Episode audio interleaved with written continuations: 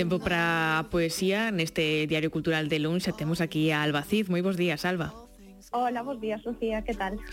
Oxe, imos ir ata a colección Elba de Chanda Pólvora Editora, onde aparece este Premio de Poesía Eusebio Lorenzo Valeirón 2020, que recaeu en, en Kiko polo poemario Urda. Eh, a ver, Alba, por onde podemos comezar a botarlle man a este poemario? Hmm, pois eu diría que para as ointes compostelás, para as ointes do Carballiño e moi especialmente para ese círculo extenso de amantes da poesía que temos por aquí, mm. compre lembrar que o Kiko que agora nos ofrece este urdido, estes fíos verticais, que iso é unha urda, foi o mesmo que mantivo acceso o lume da libraría Chanda Pólvora, a libraría especializada en poesía entre 2018 e 2020. Eh, é certo que hai moito en Kiko de explorador incansável, de agitador, eh, tanto nos escenarios micro, podemos dicir, do poema, como macro, non? Da palabra liberada ou da palabra, sí, da palabra en público, en escena. Eh, tamén é certo, eh, sería importante lembralo, que en canto á trayectoria última do premio, un premio en homenaxe ao poeta de Dodro, que por iso o premio Eusebio Lorenzo Baleirón, un poeta nacido no 62 e morto prematuramente, enorme lector e crítico, Eh, este premio leva un tempiño a colocarnos nas maus propostas poéticas moi interesantes, uh -huh. eh, que eu diría que son exploratorias ou cun grau de risco relevante.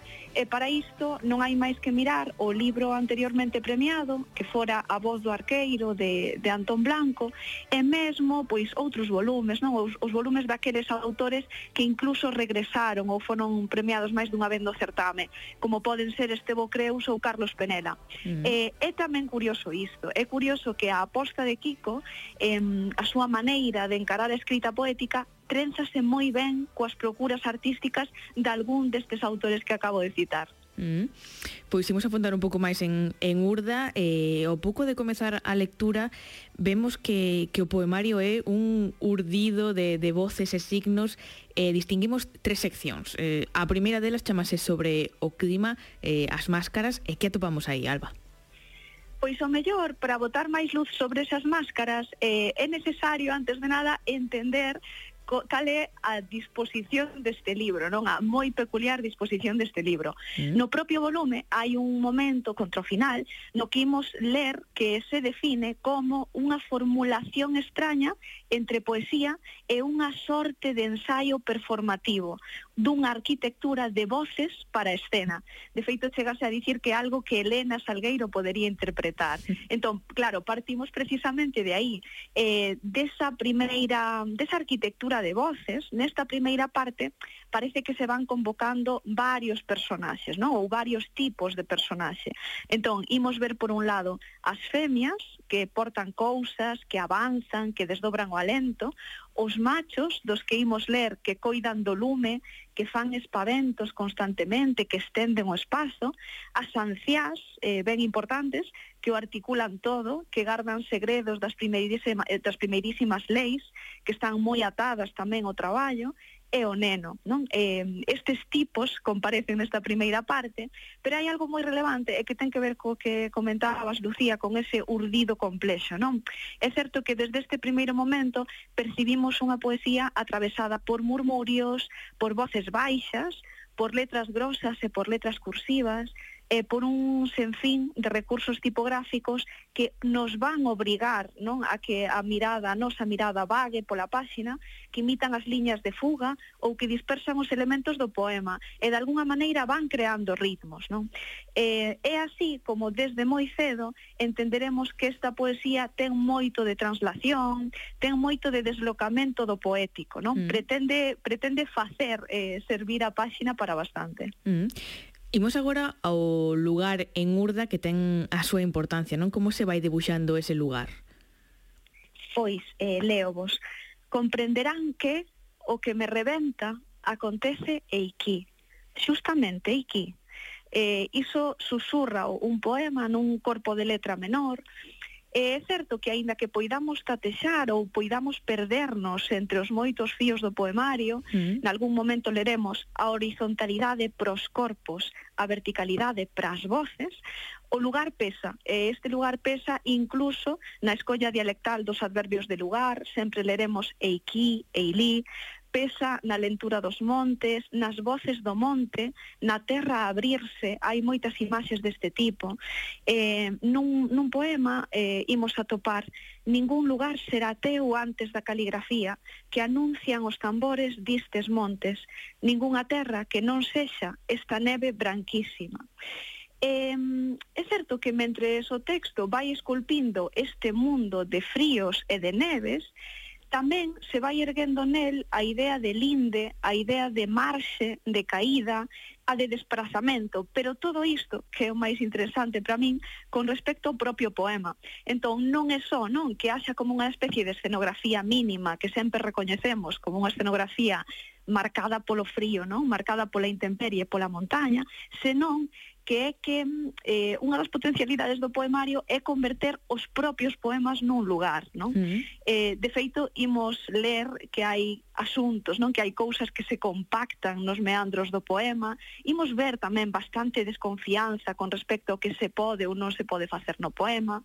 E precisamente sobre isto, para que vexades ata que punto o poema pode ser lugar, leo vos. O poema desprázase, o poema despraza, desprázase, o poema e choca, choca o poema contra estes corpos eh, este é un, é un xogo ben interesante, diría mm. eu, non? Mais alá desta escenografía, ser moi consciente de até que punto o poema é outro lugar máis. Mm. -hmm. Eh, e eh, logo chegamos á última parte sobre a calidade do solo, o texto. Eh, mm. Chegamos tamén a algúns límites. Mm, que novos recursos e eh, que ferramentas nos sorprenden nesta parte? Pois sí, eh, chegamos a uns límites moi evidentes, ides, ides ver agora cando comentemos. Esta é unha parte que o poeta dedica ao poeta Paul Celan, in memoria, non?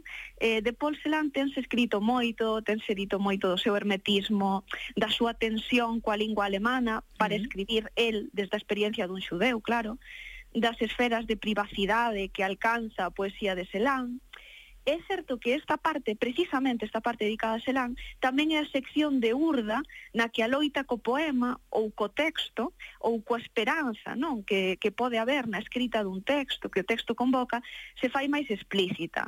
Entón, por exemplo, eh, aquí imos a topar reflexións sobre a propia forma do libro, reflexións metaliterarias non? Sobre como se foi construindo, corrixindo, que dúbidas xurdiron ao longo deste proceso eh, sobre esa forma que vos contaba antes, sobre esa mestura entre poesía e ensaio performativo do que falamos, uh -huh. eh, reflexiona sobre os sextos, isto é moi interesante, sobre os movimentos e as dificultades, sobre o balanceo de dentro e fora desas columnas, voces que van vivir os lectores, e eh, hai un punto no que xa, xa situados non neste vórtice, nesta, neste movimento absoluto, a neve ou o espazo van entrar máis claramente nos textos. Isto xa comezara antes, xa comezara na primeira sección, pero aquí, con máis insistencia, vemos como caen letras, caen sílabas, é como que a lingua comeza a desmembrarse, cada vez cústanos máis ler, non?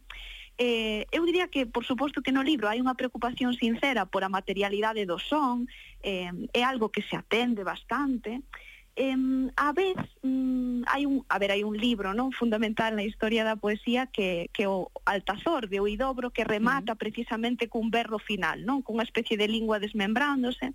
Non estou segura de que sexan exactamente a mesma procura, pero en todo caso sí que teño moi claro que Kiko moi conscientemente quere chegar a este punto, non quere mm. chegar a este límite.